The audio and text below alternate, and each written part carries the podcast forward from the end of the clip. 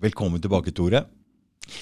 Eh, du var jo her på søndag, og så blei det litt kluss og tull med den, det opptaket. Og så hadde du til og med lyst til å komme tilbake og si et eller annet uh, nytt. Så da tenkte jeg å klippe sammen tre biter. Det blir kanskje bedre å bare ta alt sammen på nytt igjen. Først kan du kanskje fortelle litt om hvem du er, og hva du har drevet med, og hva du driver med nå? Ja, det gjør jeg så gjerne. Jeg er en ikke helt ung norsk lege. Neste gang jeg har fødselsdag, så blir jeg 89 år. Ja. Og med en Jeg hadde slett ikke tenkt å bli lege, og slettes ikke tenkt å jobbe med avføring eller tarminnhold. Nei. På veien hit så kom jeg på at faktisk talt den første eksamen jeg tok da jeg begynte å studere medisin, det var i latin i 52. Og jeg fikk i oppgave å oversette en artikkel fra latin til norsk. 'Hvordan helbrede et esel med forstoppelse'. Ja. Jeg burde ha tatt det som et omen. Men nå har jeg først tenkt å si litt om hvor gammel avføringen er i medisinen. Ja. Før en kommer fram til det dagsaktuelle. Mm. Å bruke avføring som medisin er ikke noe nytt. Nei. Kineserne brukte det. Jeg har et bilde fra en kinesisk lærebok i medisin fra 400 år etter Kristus. Og der er det en kineser som må drikke avføring. Han ser ikke helt lykkelig ut, men legen ser lykkelig ut. Ja. Og det har blitt brukt litt oppover, i, men veldig sjelden. Det som kanskje veldig få vet, det er at under andre verdenskrig så brukte både Rommel og Montgomery å bruke avføring fra kameler til å gi til soldatene sine når de hadde diaré. For det var standardbehandling hos, hos disse nomadene. Når de fikk diaré, så, så tok de en klump med avføring i kamelen, rundt, rørte rundt og drakk og så helbreda de dysenteri. Dysenteri Det er altså ja, Det var en, det, det, var, det, det er magesyke? Ja, det er en bakteriesykdom ja. så, som på lokalspråket heter jallamage, men det er nå Og ellers i vestlig medisin var det noe nær ukjent inntil på spunte lite grann på 80- og 90-tallet. For da var det vi som skapte problemet. Ja. Nemlig alle mennesker. Har, de, vi begynte å bruke mer og mer antibiotika, okay. og så fikk vi diaré. Og så fant de ut at det skyldtes en bakterie som heter clostridoides difficile, og den måtte jo bekjempes. Og så begynte de å bekjempe den. Og så ble den sintere og sintere. Det var egentlig litt dumt å gi antibiotika til en sykdom som var framkalt av antibiotika. Ja. For den diffisle, den er normalbakterie i tarmen. Alle toåringer har det uten å bli syke, og mange voksne har det uten å bli syke. Men får de en forstyrrelse i tannfloraen, f.eks. når du får antibiotika, så vokser denne ut, ja. og så lager den giftstoffer, og så får du diaré. Og så får du mer antibiotika, og så får du et nytt anfall, og så har du skapt problemet. Så det de gjorde, det er at de prøvde å drepe den bakterien med en antibiotika, ja. men istedenfor så tar det livet av alle de andre? Ja. ja. Mm. Og så skaptes de Og nå er det blitt et kjempestort problem. Ja.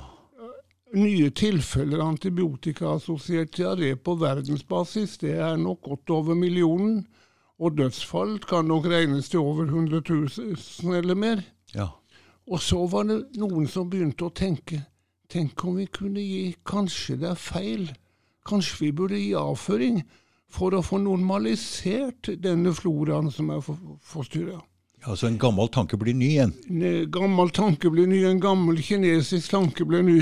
Ja. Og jeg fikk problemet per telefon i 19...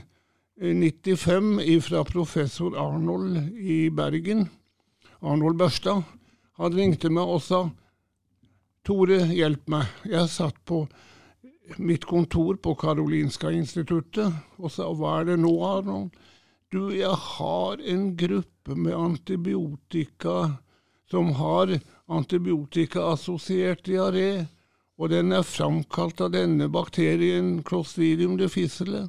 Så gir jeg de antibiotika, og så, de, så blir de bra, og så kommer de igjen etter noen uker, og så må jeg gi mer antibiotika. Og så, sånn har det gått, og nå orker jeg ikke mer. Tore, hva skal jeg gjøre? Jeg tenkte meg litt om. Og så sa jeg gi avføring. Det ble stille en stund i telefon. Hvorfor sier du det, Tore? Jo, sa jeg, det er fordi at jeg har hørt om to stykker oppe i Uppsala som hadde akkurat den sykdommen som du sier, og så fikk de avføring, og så ble de gode. Dessuten så vet jeg, siden jeg er sjef for verdens største avdeling for bakteriefrie rotter, mm. så vet jeg at om de da får antibiotika og får avføring fra en vanlig rotte, mm. så blir ikke de syke. Nei. Selv om de aldri i sitt liv har sett en bakterie. Men dette, dette må vi stoppe litt og snakke litt om bakterier. Vil du ta det etterpå? For bakteriefrie rotter, det høres veldig rart ut, det der? Ja, det, det, er veldig rart også. Ja. Men jeg var nå tilfeldigvis blitt sjef for den største avdelingen med sånne rotter i verden. Ja. Og også hadde vi mus, så jeg hadde en litt erfaring med dette. Ja. At det, prinsippet er avføring som er balanse med den dyrearten som er sykt. Den kan du gi uten at dyret blir sykt. Så bare stopp litt med det der men Hvordan øh, klarer dere å få fram helt et, et dyr uten bakterier på verken hud eller i tarm? Det er så rent som det skulle være i mors liv hele tiden. Ja. Og det, den som har, det er faktisk alt mennesker som har levet med det. Er det mennesker som har levet sånn helt bakteriefrie? I ti år. Mm. Men eh, om det, jeg kan godt fortelle om David the Boy in the Bubble. Ja. Det var en, en gutt som da ble født borti USA. Og før han ble født, så hadde da foreldrene mista to barn rett etter fødselen, for de hadde en immunsykdom. Ja. Så tenkte de la oss ta gutten vår inn i en sånn boble, oi, oi, oi. Han, og la, så han er bakteriefri. Og så tok de han inn, og så hadde han sykdommen. Og da kunne de jo ikke ta han ut igjen. Hvorfor ikke? Hvorfor kunne de ikke ta han ut igjen? Ja, han hadde en immunsykdom. Ja, Han hadde immunsykdom. Han hadde immun, arvelig immunsykdom. Mm. Ja. Så så var han i bobla. Oh, og det var jo veldig spennende for alle leger, og også for amerikansk romforskning, for da var de redde for bakterier ute i verdensrommet. Ja. Så David the Boy in the Bubble de bygde et, et helt uh, lite hus for han som var bakteriefritt. Men han ble all, alt som måtte inn, måtte være sterilt. Og han, aldri, han, hadde aldri direkte kontakt med noe menneske. Å fy, det kan ikke ha vært veldig fin opplevelse. Nei, men han utvikla seg normalt. Ja. Jeg husker på 70-tallet vi hadde en konferanse for det, sånn bakteriefri dyr. Mm. Og da fikk vi et telegram fra, fra David, han var da blitt åtte-ni år, ja. og ønsket oss lykke til. Oh, ja. Men så, så det fins altså. Det fins eh, bakteriefrie dyr, og til og med har det vært et bakteriefritt menneske. Det fins til og med bakteriefrie dyr i Oslo. Og ja. på universitetet og på medisinske fakultet så er det en liten avdeling som tilfeldigvis er oppkalt etter meg. Men, ja. men, men, men disse dyrene de fungerer helt normalt, helt fint? Ja, men David er den som har levd lengst. Da han var ti år gammel, så hadde foreldrene fått et nytt barn, og det var friskt. Ja. Og så bestemte de å gjøre en benmarkstransplantasjon. Okay. Og så mislyktes den, mm. og så mm. døde David. Ja, ok. Og bakteriefri dyr kan du lage. Ja. Amerik amerikanerne har laget uh, the biggest in the world, en bakteriefri hest, men okay. de lot ikke følge leve så lenge, men de klarte det. Ja. Så man trenger ikke leve med alle disse bakteriene i seg, Nei, egentlig? Nei, men du har, må ha en kost. Den er, må ha spesialkost. Ja. Du må, det er det som er Det som er problemet, for det husker jeg vi snakka om forrige gang her, fordi disse bakteriene de produserer stoffer som vi er Oi, avhengig av. oi, oi, bakteriene gjør mye mer ja, enn ja. hva vi tror de gjør. Mm, så når du ikke har bakterier i kroppen, så må du tilføre disse stoffene som egentlig bakteriene Da må du gi lager. en diett, som må du tilføre mange vitaminer og aminosyrer og jeg vet ikke hva. Ikke sant? Som disse, disse bakteriene egentlig produserer. Det er en hel vitenskap. Ja, ja, ja. Og jeg så mitt første bakteriefri dyr 1. april i 63. ja. Så det, og da, da ble jeg forelska i det. I den rotta. ja. Kona venta utafor. Hvilke muligheter for forskning? ja. Og derfor, når professoratet i Stockholm ble ledig, så søkte jeg. Mm. Og så fikk jeg det. ja. Så jeg hadde litt erfaring med hva og, så- Men tilbake til Arnold. Ja, tilbake til Arnold. Ja. Mm. Det er bra, Tore, at du drar oss inn der. Han, han fulgte mitt råd. Ja. Han, og så måtte han jo lete etter en god giver. ja. En som var ja, ikke helt ung, i 30-årene, som ikke hadde fått antibiotika på allerede en tid, ikke hadde noen arvelige sykdommer og ikke hadde noen sykdommer i det hele tatt, så fant han den perfekte giveren. Og protokollen ble så enkel. Og på den tiden var det ikke nødvendig å søke om å få lov til å gjøre noen ting. Nei. Hadde han søkt, så hadde han ikke fått lov. Men det var ikke Og dermed så var protokollen enkel. Annenhver pasient fikk enten antibiotika, eller vedkommende som var avføringsleverandør, måtte sette seg på pottekanten. Og så tok Arnold fersk avføring, rørte rundt og satte det inn i endetarmen med et eh, rektoskop. Ja. Og så gikk det ufattelig bra.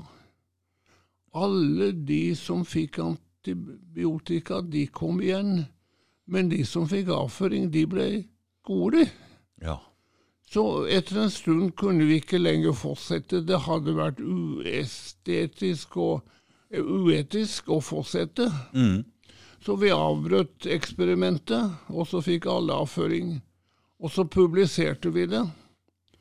Og så fikk vi en veldig kritikk. Uff og huff og gi avføring. Mm. Det var uetisk og uestetisk og jeg vet ikke hva. Men vårt enkle forsvar var jo bare å få en sekning. Ja, men det virker jo. Mm. For det virka. Ja, det virka. Mm. Men etter en stund så ville ikke den bergenske giver være eh, avføringsleverandør. Øvre middelklasse. Og det å bli kjent på byen, om det skulle bli kjent på byen at vedkommende var avføringsleverandør, det Det er ikke meritterende. Nei. Men jeg bare sa til Arnold, du Men han, han burde jo være glad for det, for han er jo et prakteksemplar av en mann. Uten lyter, uten sykdommer, uten noen ting, så han burde jo være glad for det. Tenk på da blir pe pekt ut på puben, der er han som gir avføringen! Så det, det, det uh, Men jeg sa til Arnold, du, send over en stor klump avføring til meg. Send en anerop, dvs. Si, send den helt tett beholder uten luft. Ja, Da måtte du få pressa en siste skikkelig stor ja, ladning ut av disse her der. tannbakteriene de tåler ikke surstoff i lufta. Nei. De dør som fluer med det minste tilgang til luft, eh, til surstoff. Ja. Arnold gjorde det, og vi fikk en stor klump med det brunt bergensgull. ja. Dere kaller det for det, ikke sant? Det brune bergenske gullet? Det har vi spart på som gull. Ja. Vi har delt i to i fall strømmen på Karolinska skulle gå. ja. Så ligger en klump også utenfor Karolinska. På et hemmelig sted? Ja. ja da. Ingen skal ødelegge det. Ingen skal ødelegge det. Og, så dermed ha, og det gjør at vi kan sam... Og så hadde jeg, jeg hadde vært på Karolinska på 60-tallet og lært meg til å dyrke de mest sjeldne tarmbakteriene som tenkes kunne. Og så hadde jeg laget en god, god næring for dem.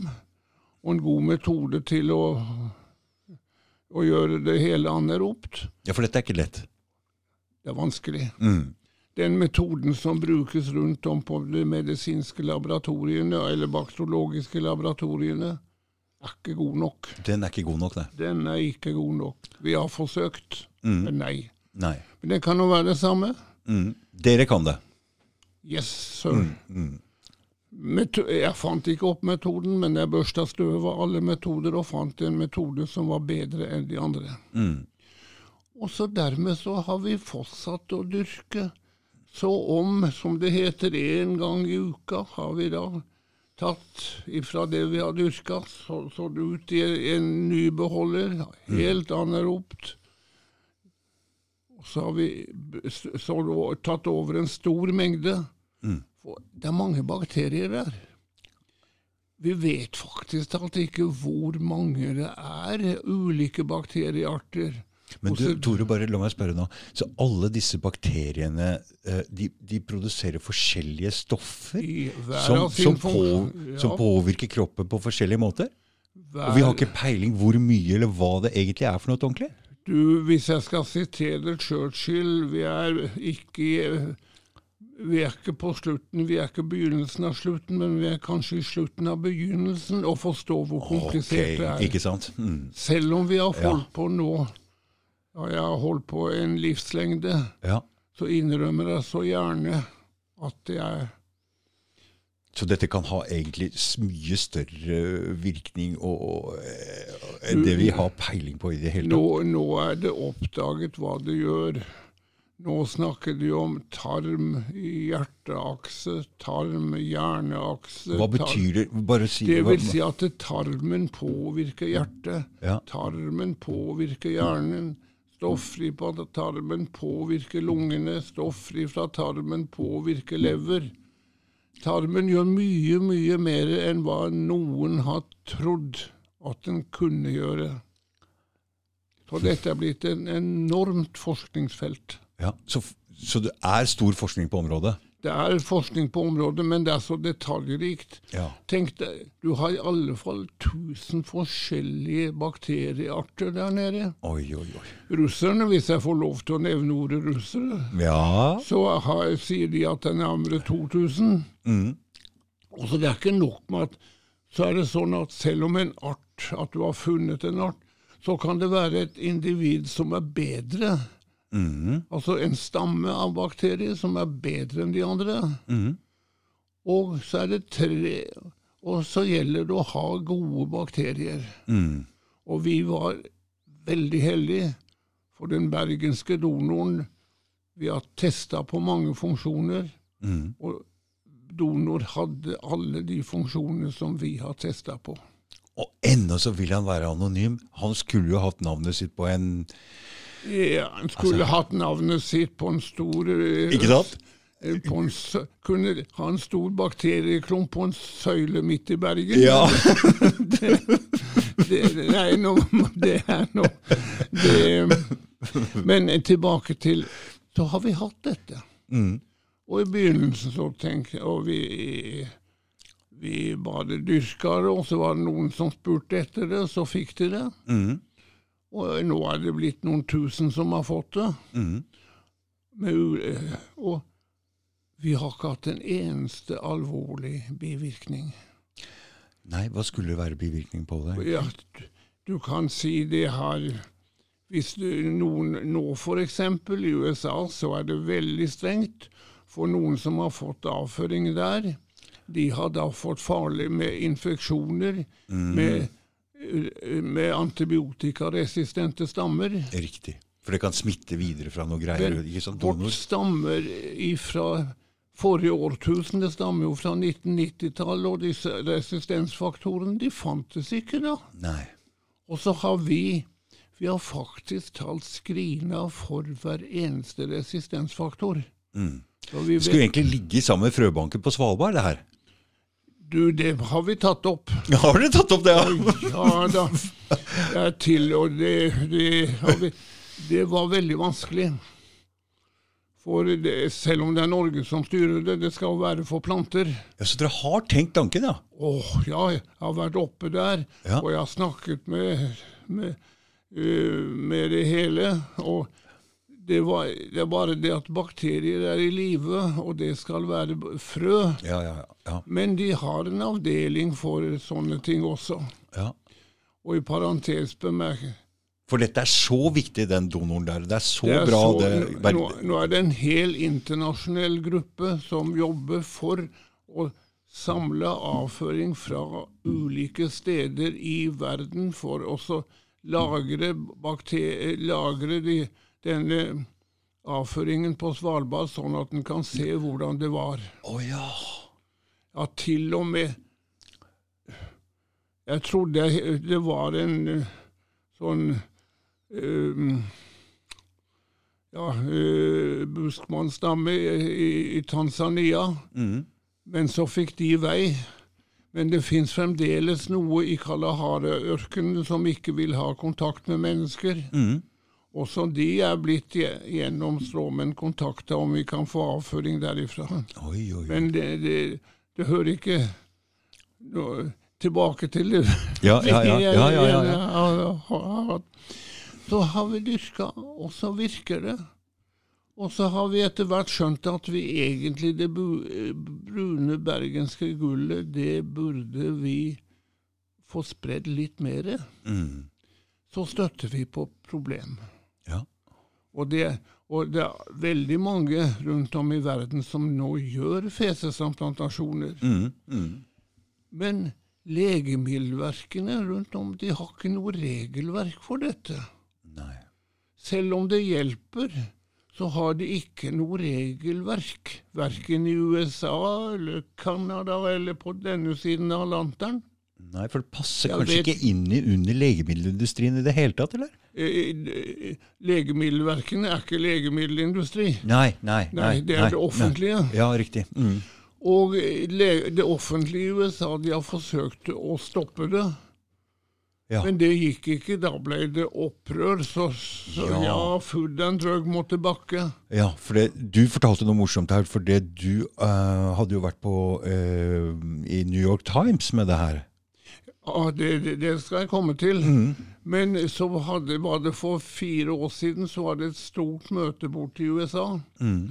Food and Drug og NIH, altså National Institute of Health, Mm. de holdt et møte med alle fesesfirmaene i, i USA.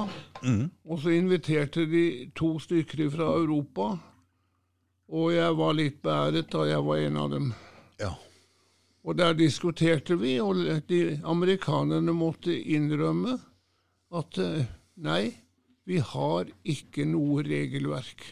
Vårt regelverk det er for molekyler og ikke for mikrober. Mikrober, det er bakterier. Ja, det er bakterier. bakterier. Og det samme gjelder i, her i Europa. Mm. Jeg har vært uh, tilknytta Legemiddelverket i Norge første gang på midt på 60-tallet. Mm. Og inntil for nylig, og jeg har også vært konsulent for det europeiske EMMA.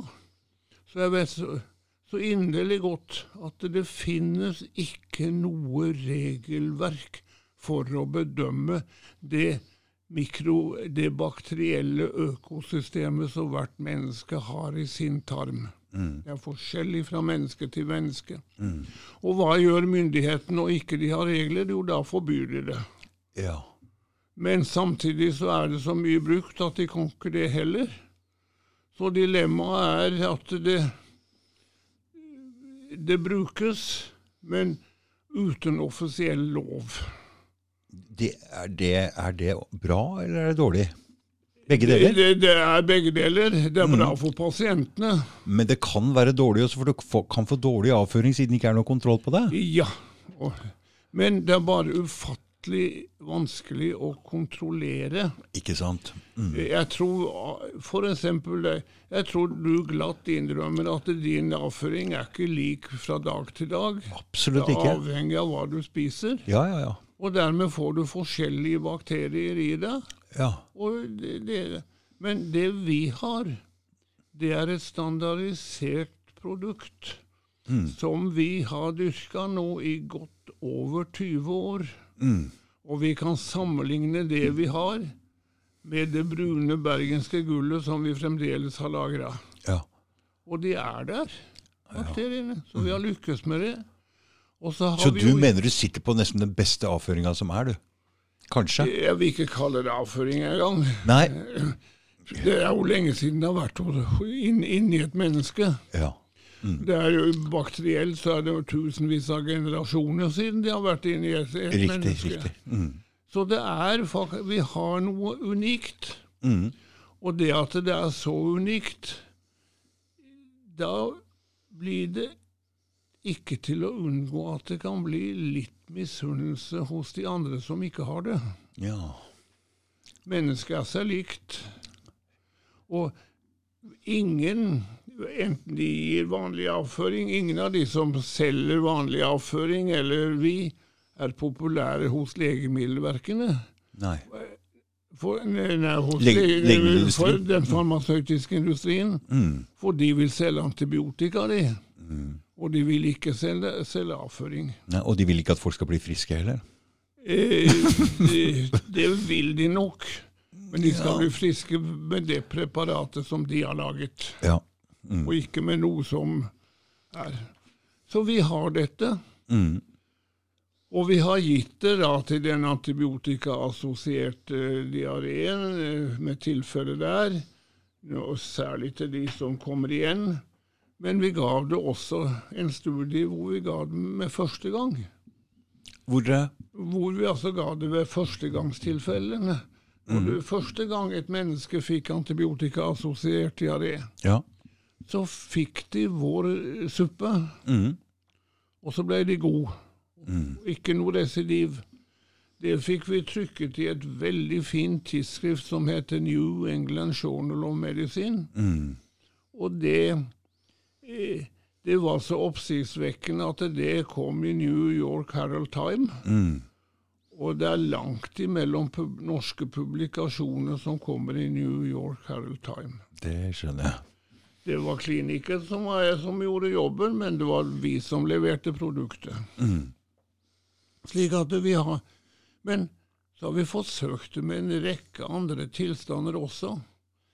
Ikke minst med irritabel tarm, i- IBS. Altså at du har noe tarmbesvær. Du får vondt i magen av og til, og du har tarmbesvær, og du går til doktoren, og han vet at han ikke har noe som hjelper. Mm. Og han sender deg til undersøkelse for å avkrefte at ikke du har kreft eller noen bestemte sykdommer. Du har bare plager fra magen eller fra tarmen. Jeg har jo to gode venner som har skikkelig problemer med det her. Jepp. Og, og da, da har du altså I mange av disse tilfellene det skyldes at du har en ubalanse i tarmfloraen. og vi har flere publikasjoner om det. De har fått, de har fått vår blanding, de har fått vår blanding, og så har de blitt gode. Ja. Men nettopp i denne gruppen her så ser vi at noen går langsomt, faller tilbake, begynner å få symptomer igjen. Riktig. Og det er jo rimelig. Du har fått bakterier én gang, Mm. og så blir de etter hvert så får de andre overtaket. Og så blir det færre og færre av de gode. Og for å bøte på det, så begynte vi for to-tre år siden, ja det er nå er tre år tida gått så forbaska fort, å lage små kapsler på et halvt gram med den eh, suppa som vi hadde. For at vi kunne gi, få, gi som påfyll Mm. hele tiden. Mm. Men du, da vil jeg bare spørre om en ting. Når du spiser dette eh, gjennom munnen, eller om du tar det rett opp i rumpa, er det bedre å ta det rett opp i rumpa? Fordi da uh, går det jo ikke gjennom systemet. Begge deler går veldig bra. Ja. Mm. Det er og Nå blir det litt spesialkunnskaper. ja. Denne difficile-bakterien trives best i tykktarmen. Ja, for det er flere av disse tarmene, ja. Hva? Det er flere av disse tarmene. Ja, og du har tynntarm og tykktarm. Ok. Men, så laget, men Den er også i, ty i tynntarmen, og slik at du kan ha symptomer fra tynntarmen. Mm. Det vet jeg så inderlig godt, for da det Vi har gjort utrolig mye forskning på, rundt dette her. her. Du, bare sånn, er det Tynntarmen den må jo ligge litt lenger opp. den her for den, For på Nei, da, det, det viser seg at du Det denne bakterien gjør, det er ikke det at den er der, men at de lager to ulike giftstoffer okay. som påvirker cellene dine så de slutter å dele seg. Så det, eller det, det blir redusert. Mm. Og dermed får de andre Så får du en innføring. Og det viktige Tenk, nå må du igjen få litt kunnskap. Ok. Mm. Gjennom hele tarmen din, tynn og tykktarm, Mm. så har du ett cellelag, ett eneste cellelag som skiller deg ifra At det lekker. Ja. Mm. Det, det å slutte det å dele seg, Mm. Så får de andre, så blir det betennelse der, og så får du problem. Aha. Så vi tenkte da kanskje med også gi dette tilbake igjen, altså i små, hele tiden påfyll av gode bakterier. Mm. Og så da Nå er det kommet så mye regelverk, så da søkte vi, fortalte vi dette til det norske legemiddelverket. Mm. Og de tenkte litt, og så sa de dette kan aldri godkjennes, kapslene kan aldri godkjennes som et legemiddel eller det som er i, Nei. men det må framstilles som om det var. Legemiddel. Ja. Altså det betyr alle At alle verdens kontrollinstanser måtte til. Ja. Jeg vil ikke nevne alle detaljene, Nei. men Men vi er det har, strengt. vi har brukt et, ja, et år på oss å komme Tilfredsstille alle kravene. alle sammen, sammen, så nå har vi sendt inn. Ja. Og, og maskinene anskaffa. Mm. Så den dagen vi får da til tilvirkningstillatelse, Mm. så har vi en maskin som kan lage 16 000 kapsler i timen. Får dere den, eller? Ja, vi har jo tilfredsstilt alle kravene, Mm. Ja, men du veit jo men ja. eh, det, det Så vi tror jo, ja. Når vi, hvis, når vi har tilfredsstilt alt det Myndighetene har sagt? Ja, Mm. så bør vi jo få det. Klart det. Men vi har ikke fått den enda. Nei. Det står igjen. Mm. Og da kan en da fylle på, slik at, og da tror vi kan hindre tilbakefallet av disse, Mm. hos f.eks. disse med irritabel tarm. Mm. Men det er litt så spennende hvis du sier at disse bakteriene produserer at det er to, kanskje opptil 2000 forskjellige som produserer forskjellige stoffer som virker inn på kroppen din. Ja, ja, ja, men, Ja, men da er det jo ikke bare de sykdommene som du Da kan det jo påvirke masse andre ting også. Japp. Ikke sant? Så det veit vi jo ikke ennå. Så det er jo superspennende, dette greiene her. Du, vi veit ikke, men det er så ufattelig mye som La oss nevne én sykdom som vi begynner å vite lite grann. Ja. Det er en sykdom som heter systemisk sklerose. Ja. Det, den er velkjent fra Norge, for det er kjendiser som har det. Jeg vil ikke nevne navn. Mm. Og den er veldig sjelden, den sykdommen. Det finnes bare noen få hundre som har den i Norge. Mm. Og den debuterer ofte med 40-50-årsalderen. Mm. Overvekt av kvinner, og ingen vet hvorfor. Og så kan Sklerose betyr at bindevevet, dette myke vevet du har, det blir hardt. Det stivner. Mm. Og så kan det stivne i hud, så kan det stivne i hjertet, det kan stivne i lunger. Mhm. Men det som gir mest sykdom, det er når det stivner i tarmen. Ja. Når tarmen blir stiv. Da kan den ikke suge til seg. Nei. Nei, og så har de fått antibiotika, og så har de fått avføringsmiddel, og så skjer det i Det, det, det er det som gir størst sykelighet hos disse pasientene. Mm. Det er, det er når tarmen liksom er blitt ordentlig stiv. Mm.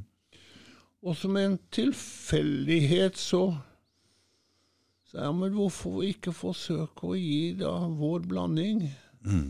og gi avføring? Så lo de rått og lenge. Så begynte jeg å fortelle lite grann. For vi hadde tilfeldigvis undersøkt det en gang på 60-tallet. At tarmbakteriene hos et vanlig dyr, rotte, det påvirka muskulaturen slik at det, den begynte å fungere da, hos det bakteriefrie dyret.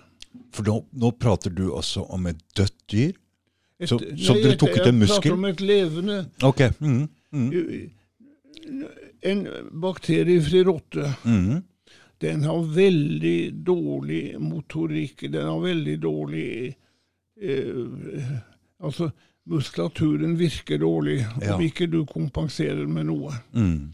La oss si første del av tykktarmen hos en bakteriefri rotte mm. kan utgjøre inntil 20% av kroppsvekta. Ja. Så det er helt Det var det som var et av de store problemene. Og så helt tilfeldig Det er så mye i mitt liv som er tilfeldig. Mhm.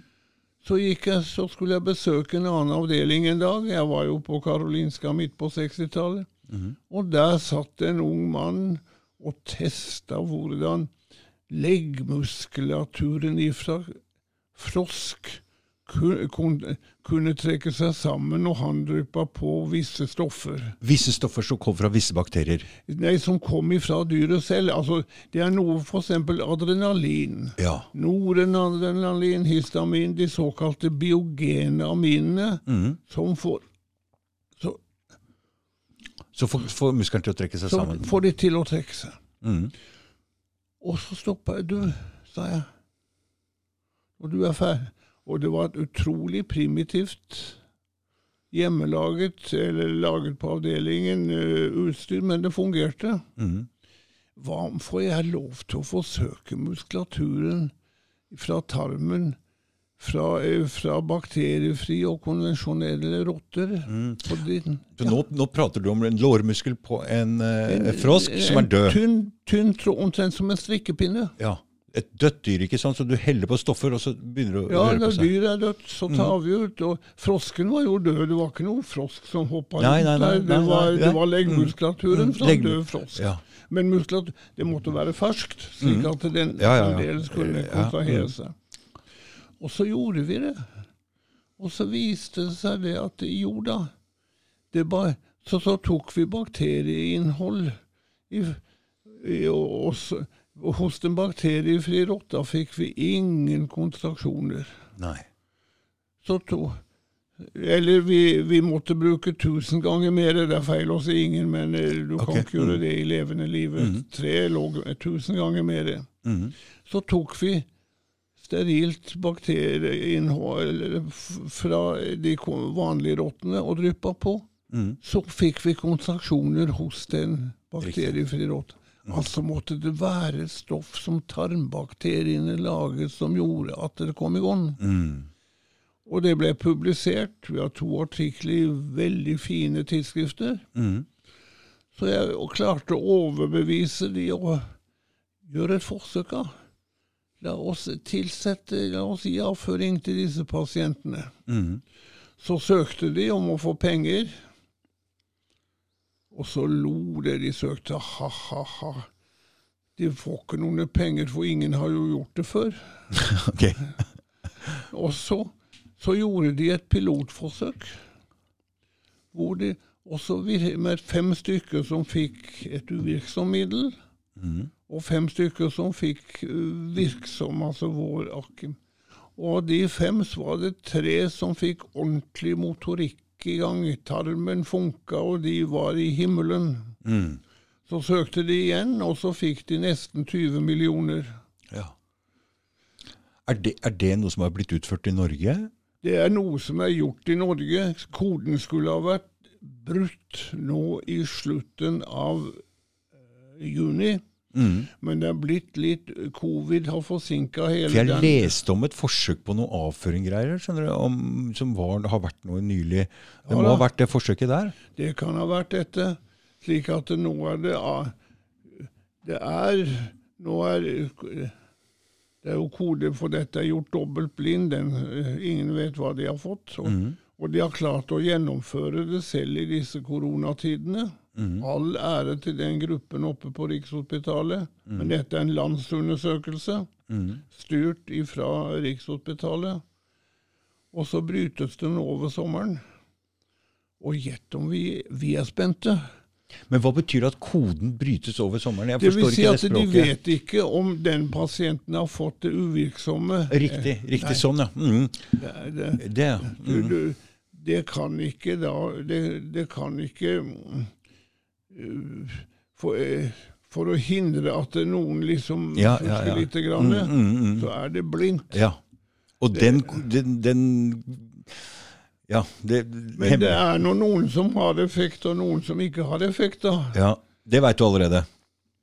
Mm. Så får vi noe Egentlig så venter hele verden på det. Oh, ja. Hele det miljøet. Mm. system. For den pilotstudien som de publiserte, den vakte oppsikt. Mm.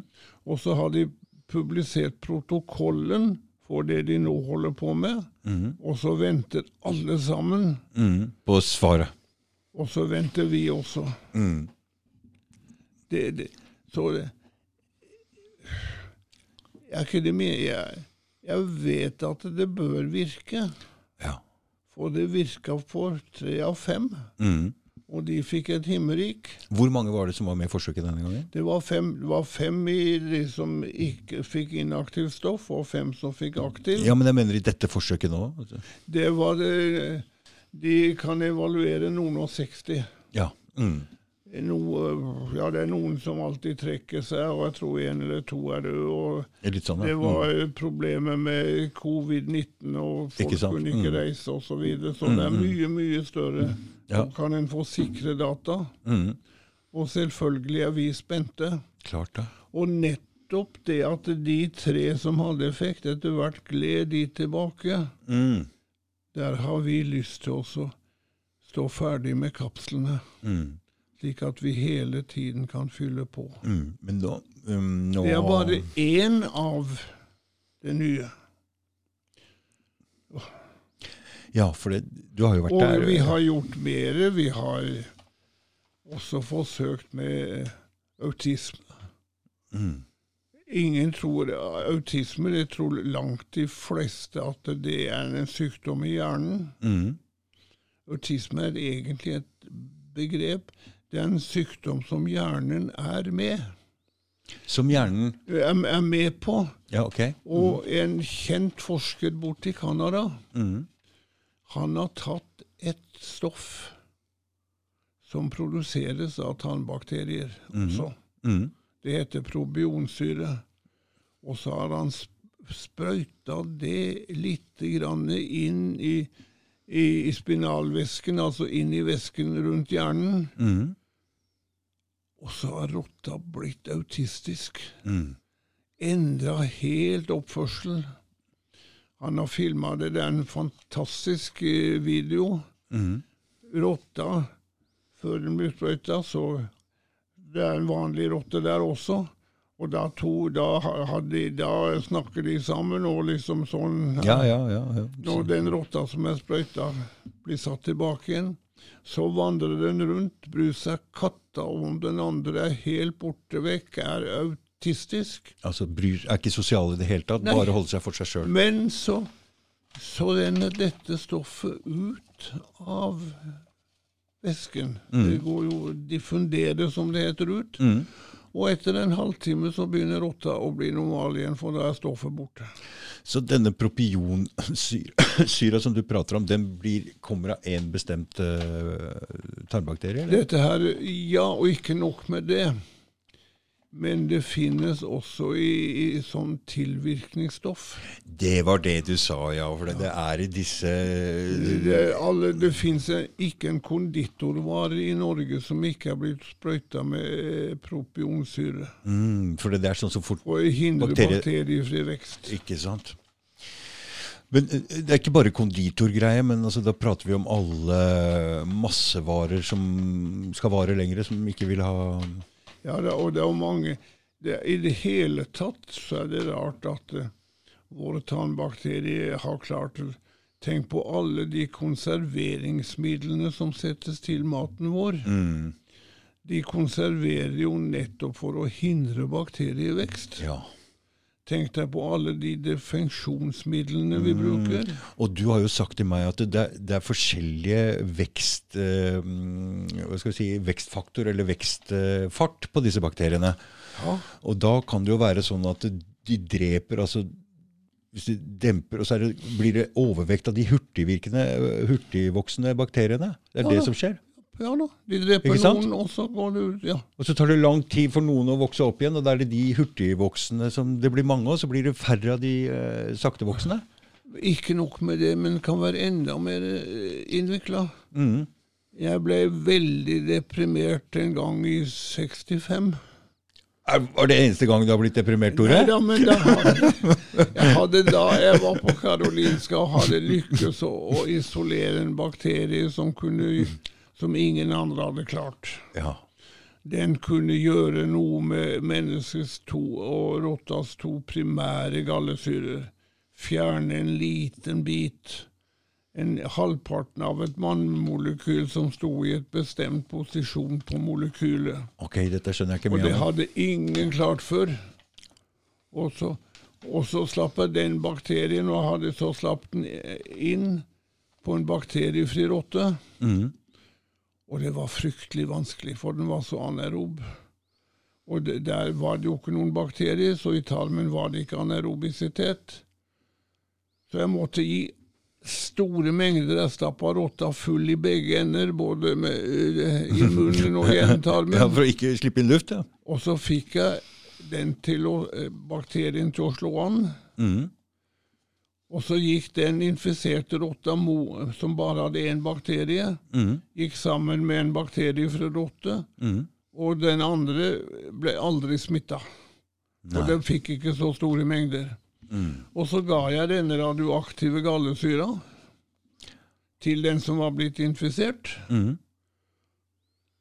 og så gjorde den ingenting.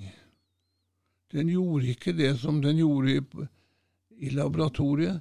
Den kunne ikke fjerne det halve gallesyremolekylet, eller vannmolekylet. Ok, dette skjønner jeg ikke helt, men uh, da, Hvis du tenker deg at, hvis du tenker det at det bakterien gjør, det er også å ta bort den hanken. mm. Eh, Og det gjorde den nå, nå, nå, ifra gallesyra. Det er gallesyra. Mm. Det gjorde den i mitt laboratorium, Mm. men ikke når den kom i dyret. Nei. Hadde jeg feil? Hadde jeg... Men så kom jeg på at denne gallesyra hadde jo en bit der også, en, som stakk ut der. Ok. Og så tok jeg og slapp inn en annen bakterie som kunne fjerne den biten, altså som ble helt lik den som jeg hadde. Mm. Og da gjorde bakterien min det det skulle. Altså, det var avhengig av et intimt samarbeid mellom to ulike bakteriestammer før det kunne bli den viktige sekundære gallesyra som alle lengta etter å finne bakterien til. Det. Mm. Og sånn er det. Altså En bakterie kan kanskje gjøre litt, men den er helt avhengig av at det er en annen bakterie som gjør noe annet. Mm. Mm. Mm. Det er komplisert, Ikke sant? men det er fryktelig Fordi Det er derfor du kaller det for et økosystem, ikke sant?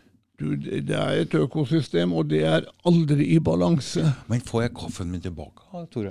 Jeg skal ikke ta den, jeg skal ikke ta den.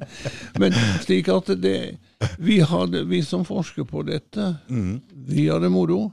Mm. Og jeg er veldig glad for at vi har fått fremdeles har klart å holde liv i dette Mm. anaerobe, Bergenske. disse tarmbakteriene. Én gang i uka har blitt sådd ut, sikkert som en klokke. Mm. Jeg er veldig glad for at de nede i Fredrikstad, hvor de har Nordens største kapselfabrikk, har klart å lage disse kapslene helt anaerobt. Mm. Så vi har de, det som skal til. Mm. Men det Men fortell, du, du, du, fortalte meg, altså du var jo her eh, på søndag også, og da fortalte du at du hadde tre forskjellige typer ting som du Ja, og de tre forskjellige, da bruker vi rødt. Og det er mye enklere. Ja, Men det, her, det, det kan vi la ligge. Det har du fått. det er dødt, ikke sant? Ja, det er egentlig ikke bakterier, men det er det som bakteriene har produsert. Det er, det som, det er innholdet av disse bakteriene. Ja, riktig. Det er disse stoffene som da. Stoffene. Mm. Men det er ikke rent, det er, det er en masse av disse ulike. Ja. Men tilbake til disse levende. ja. For du vil, også, du vil også få ut disse levende bakteriene, ikke sant? Det vil jeg gjerne få ut. Mm. Men nå er det noen som da drømmer om å lage en nasjonal bank for avføring. Ja, hva betyr det? Ja, den som visste det. Men det vil si at de skal da lagre de skal lagre avføring, slik at de da har ferdig skrivende avføring. Og, og det, det det er jo en veldig fin idé. Mm. Veldig fin idé. Problemet er bare også å finne de riktige giverne. Mm. Vi hadde flaks. Vi hadde uforskammet flaks da Mm. vi var så heldige med vår donor. Mm. I Amerika så screener de, så har de et definert system for screening. Hva betyr det egentlig? Eh, det, altså for å undersøke om du kan bli giver eller ikke. Riktig. Og det er så strengt at rundt om 5% av amerikanerne tilfredsstiller kravet. Mm. Og så er det også sånn at du kan ikke gi en avføring til for mange. For tenk om det inneholdt hum gener som kunne gi sykdom. Ikke sant? Hvis du da tok en avføring og ga til 100, og da hadde du noen gener som da Mm. kunne gi sykdom, Mm. Mm. så ville, myndighet, så ville du gå konkurs. Ja. Og dess, så må det heller ikke inneholde sånn farlig antibiotikaresistens. Mm.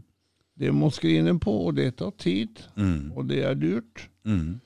Og så må det heller ikke inneholde farlige virus. Covid-19, eller COV2 som viruset heter.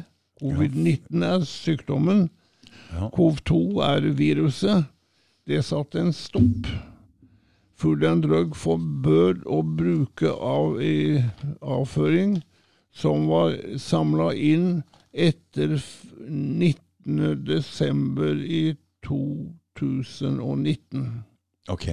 Nå er de begynt igjen, også, så må du skrine for det også. Mm. Men du vet jo ikke når det dukker opp et nytt virus. Tor, jeg tror ikke noe på det der covid-greiene. Slik at, slik at det Og det vi har Mm. Vi har jo da et preparat som har vist at det har effekt. Ja. Vi har et preparat som ikke har resistensgener, ja. de farlige. Vi har et preparat som ikke har humane gener. Som ikke har Humane sånne gener som kan gi sykdom. Ja, ja. Mm. -hmm. Når det er blitt dyrka i 20 år, så fins det ikke et eneste det blitt, Alt er blitt tygd i stykker av bakteriene. Mm. Så har vi ingen farlige virus. Vi har ikke noe covid, vi har ikke noe virus. Nei. Og også så er vi billigere. Mm. Men du, men, du, men du, Tore, nå har vi jo hørt om uh, hun ene eksen min har jo jobba i sånn helsekostforretning, og der selger de jo noen sånne kapsler med noe avføringgreier der fra før av òg. Hva er det for noe? de, de har et for eksempel det store amerikanske selskapet Ceres. Mm. De forsøkte, de laget et kapselpreparat som sa det hjelper. Ja. Så gjorde de ikke det, så gikk de ned 300 millioner i verdi på New York Auction. ja, ok. Og du kan få kjøpt avføring i kapsler. Mm. Det koster ja, noen eh, Jeg tror faktisk alt et av preparatene koster 20 000 dollar for eh, 30 kapsler eller noe sånt. Oi, oi. Men eh, det, det tør jeg ikke si. La Nei, gå med. Det har ja, ja, sikkert ja, ja. blitt billigere nå. Mm. Men allikevel, du har ingen garanti for at det er framstilt anaeropt. Nei. Og disse bakteriene Fordi du mener at det er nesten bare dere på Karolinska som har den, som har så bra peiling der? Jeg Altså. mener ikke jeg vet. Du vet det? Ja. Mm. Jeg vet det. Så det du er redd for nå, er at det skal komme ut andre og drive med det samme, som egentlig bare er svindel, som gjør at Nei, det blir de Ikke svindel, godt, men kan godt komme, men de vil, de vil da ikke ha noe sjanse til hvis det blir sammenlignet med vårt. nei, Jeg er ikke det minste redd for det. nei, men det kan gjøre dårlig rykte på alt sammen, på en måte. Ikke om det blir gjort riktig. Nei, nei, nei. For, og de- den riktige undersøkelsen, nemlig å skrine for å finne fram til gode eh, givere, mm. den er enda ikke gjort. Nei. Vi hadde som sagt flaks. Mhm. Eller vi vet at vi har en god giver. Mm. Vi har undersøkt hva vi har. Vi har gitt det til flere tusen pasienter.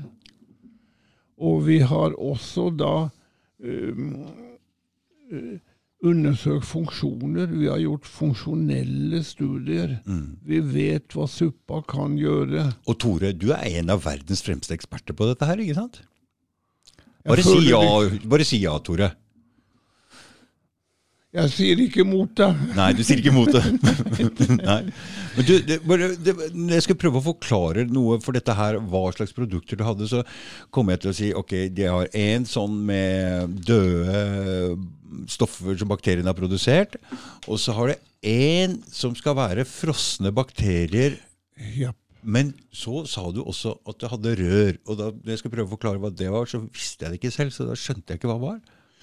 Ja, altså det, det er ikke så stort som dette. Det er liksom eh, 50 milliliter. Ja, Og, og det altså, det er Det, det er da Det blir fra, det Ja, nå, blir, nå, nå, nå tror jeg jeg skjønner det. For det, det er flytende avføring som- uten luft. Yep. Og det andre er frossent, ikke sant? I kapsel. Det, det, det, det røret er også frosset. Det røret er også frosset. Det er frosset, for hvis det var flytende, så ville visse bakterier formere seg. Riktig. Mm. Men eh, på veien hit så spiste jeg iskrem, og iskrem kan jo sendes rundt om. Ja. Mm. Den beste lages i Kristian. Jeg skal ikke drive noe reklame for iskrem, men den lages ikke på, på, på Ryen. Nei, nei. Det gjør den ikke, og så sendes den frossen rundt. Ja, så det går. Men disse rørene, er de til noe annet? Kapsler er til å spise, men de røra er til å Eh, Røret er til I disse koronatider mm. så er det og hvor det har vært vanskelig å få folk til å få gastroenterologer til å eh, bruke skopene. Mm. Og det har vært vanskelig for pasienter å reise pga. fare for korona. Mm. Så er det atskillige som har drukket det. Drukket, ja. Ja. Mm. Det, det vil ikke jeg anbefale, men jeg vet at det er gjort. Mm. Og jeg vet at det har effekt, men du får ikke meg til å an... Anbefale det. Nei, han der kineseren som drakk Han så ikke- så ikke glad ut. Så ikke lykkelig ut. Han gjorde ikke det. Nei, men, men jeg tenker sånn når det går igjennom systemet via munnen og ned i magesekken, og sånn, så blir det vel litt mindre bakterieflora enn om du tar det rett opp i tarmen? Ja, men ja da. Ikke sant? Men samtidig så renner det fort videre nedover. Ja, så får stå på hodet, egentlig. og det når ned. Vi har gjort det. Vi holder nå på å avslutte en stor undersøkelse vi har gjort i Sverige Mm. på med sånn med antibiotika-assosiert diaré. Mm. Og der har vi sammenlignet med beste protokollen med antibiotika. Og eh, vår blanding slår ut. Du, Men så er det eh, er, bedre. Så er det noen som ikke Noen i begge grupper som ikke har, har effekt. Mm. Da har vi gitt det per oss, altså i, med gastroskop. Ja. Og, og da virker det hos de som det ikke virker rekt, rekt. Ok. Yep. Så det kan være Virker ikke ene veien, så virker det Det andre veien? kan, eh, du, du, er åpen, du er åpen i begge ender. da. Ja, det er åpen i begge. Det er bra. Og det er viktig å være åpen i hvert fall. mellom munn og endetarm så er det fra ni til ti meter langt. Ja. Mm. Og det kan være at problemet egentlig ligger oppe eller nede, ikke Kan sant? være, det kan være at det gjør det. Mm. Og i hvert bidige område av det, de ni-ti meterne Mm. har du en eh, spesiell bakterieflora. Riktig. Og det gjelder å nå fram til Til det stedet det som er problemet, området. ikke sant? Ja. Mm. Og det har vi undersøkt veldig mye på dyr. Dette her er veldig spennende. Men du, sånn som jeg sa forrige gang, nå kommer jo folk til å lure på hvordan i all verden skal vi få tak i dette produktet her også. Ja da, ja da det, vi kan levere rør. Vi kan enda ikke levere disse kapslene. Men dere kan levere rør? Ja, det kan vi. Frosne? Vi, vi har ikke ja, Jeg har ikke lyst til å drive noe, men vi har en leverandør i Norge som leverer rør. Så bra. Ja.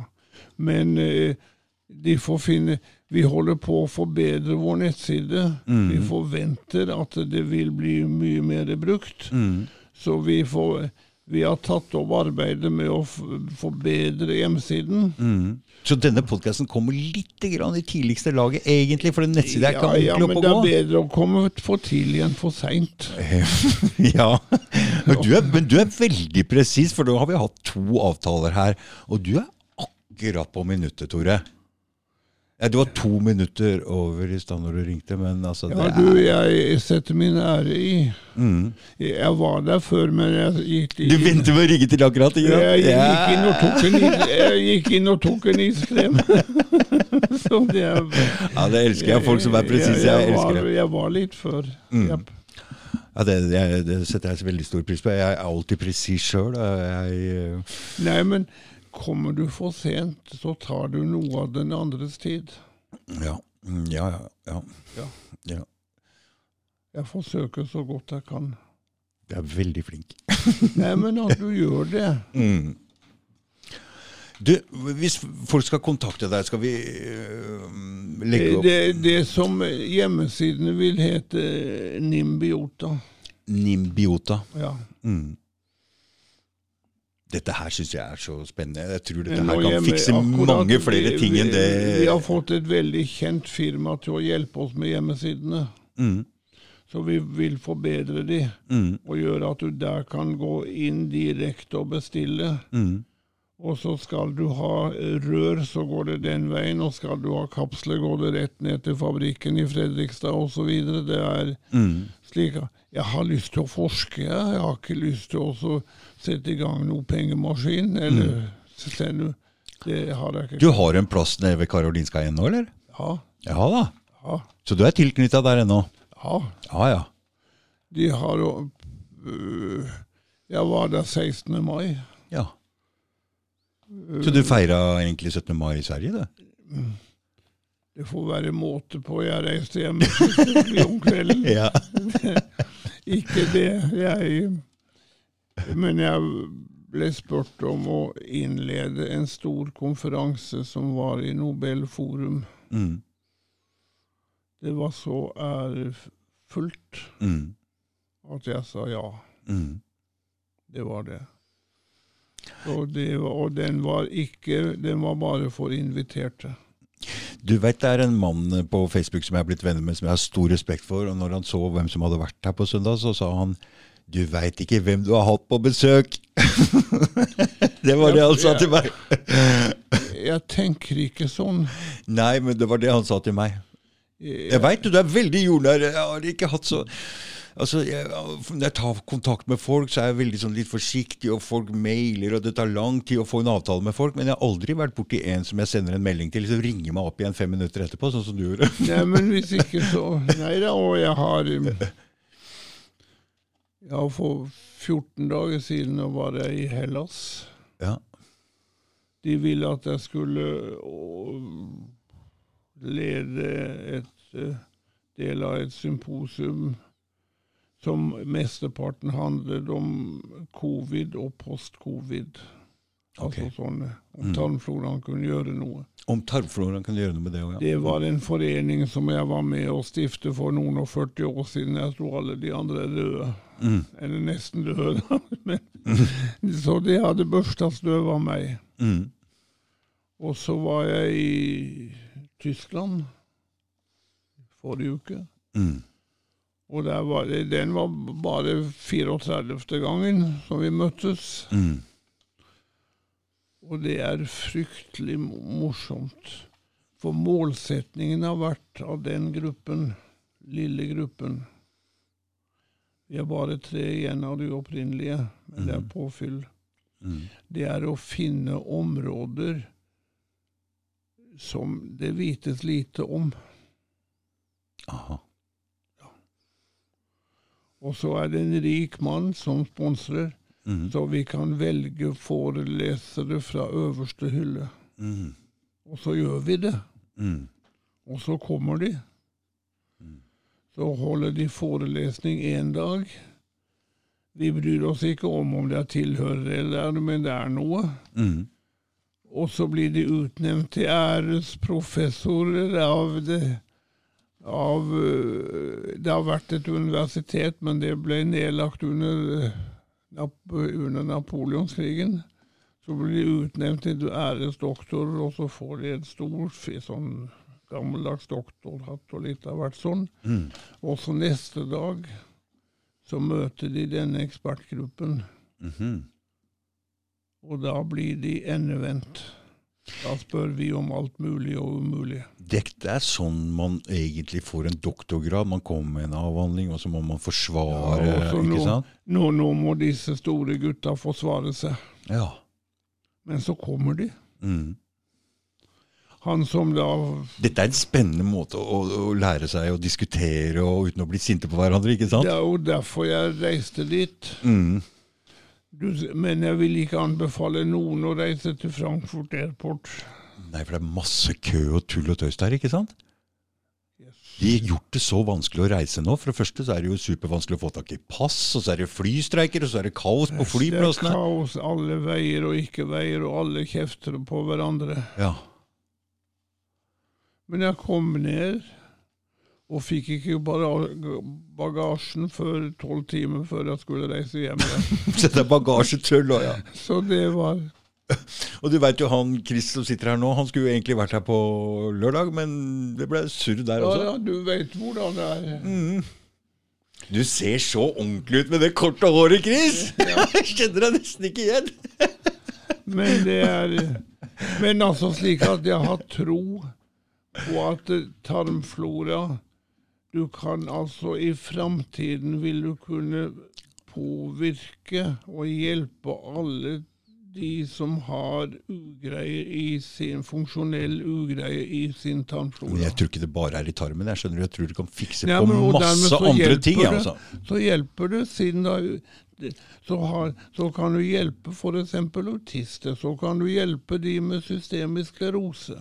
Og plutselig problemer med lunger, og kan få hjernen Ja. til å fungere bedre. Masse ting som ikke veit noen ting om. Ting Dette er så spennende opplegg. Altså, jeg, Ja, jeg, jeg er litt lei meg for at jeg er har sannsynligvis kortere tid foran meg som forsker enn jeg har bak meg. ja, hvis ikke du finner er på noe hvis, Men det kan være at du finner en eller annen tarmbakterie som, som hjelper til, så du bare fortsetter å leve evig?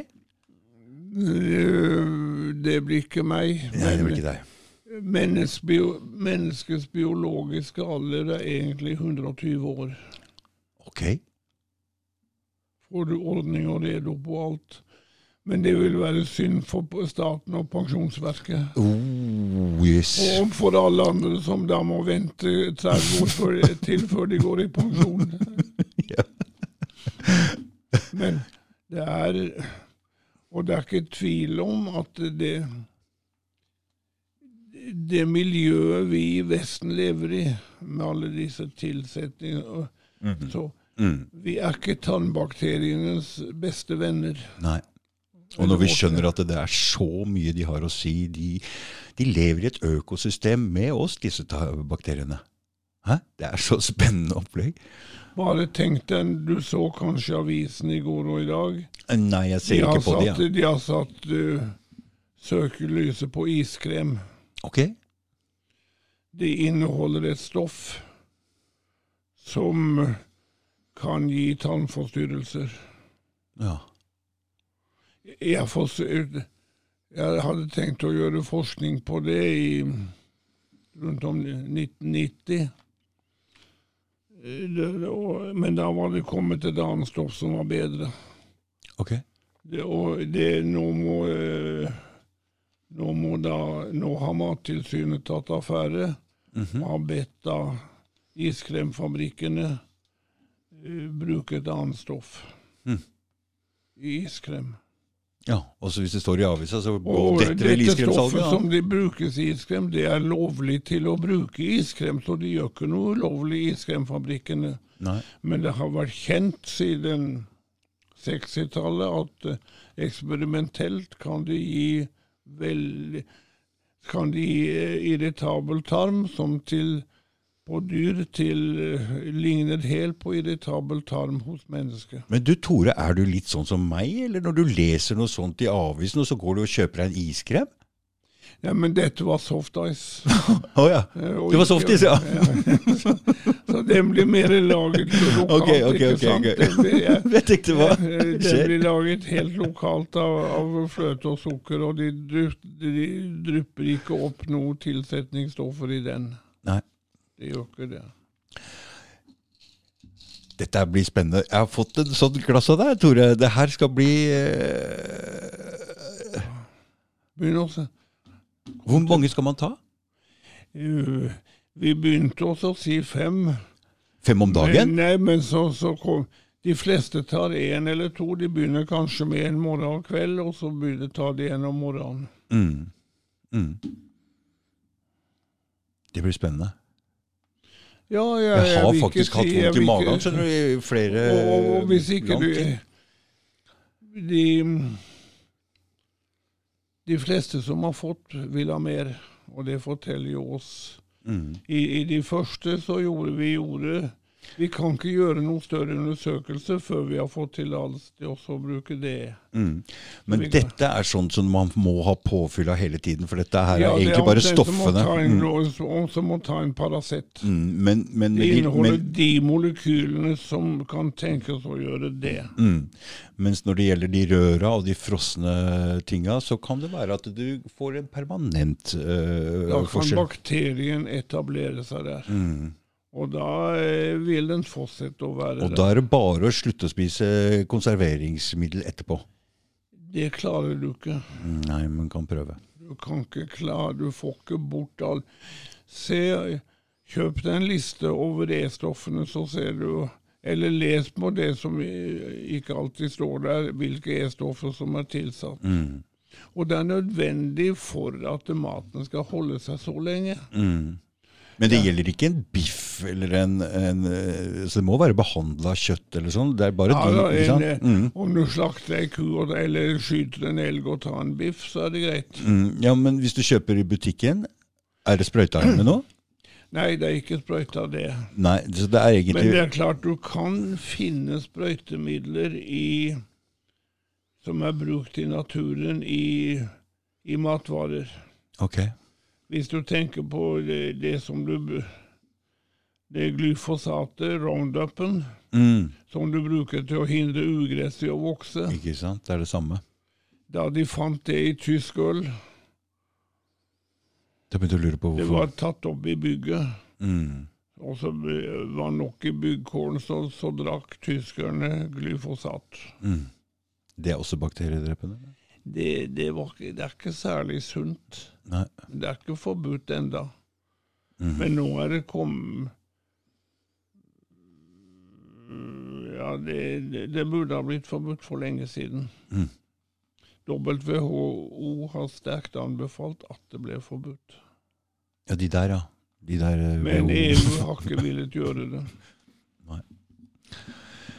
Greit. Um, da eh, Nå har vi snakket langt utover. Jeg håper du klipper bort mye av det. Nei, det blir ikke noe klipping her. Det blir ikke noe klipping her.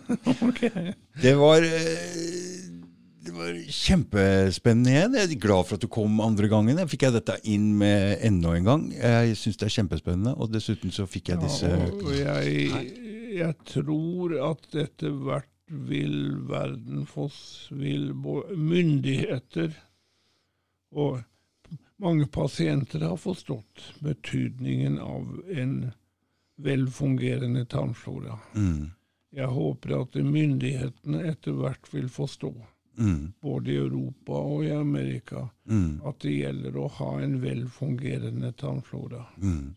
Og jeg er ikke redd for at våre produkter skal tape i den konkurransen. Nei, ikke med det Vi vet hva vi har. Vi har testa det. Vi vet vi har, hva vi har gjort, og vi har det. Det brune bergenske gullet, Tore. Skal erobre verden. Yes. Tusen takk for at du kom. Det er meg som skal takke.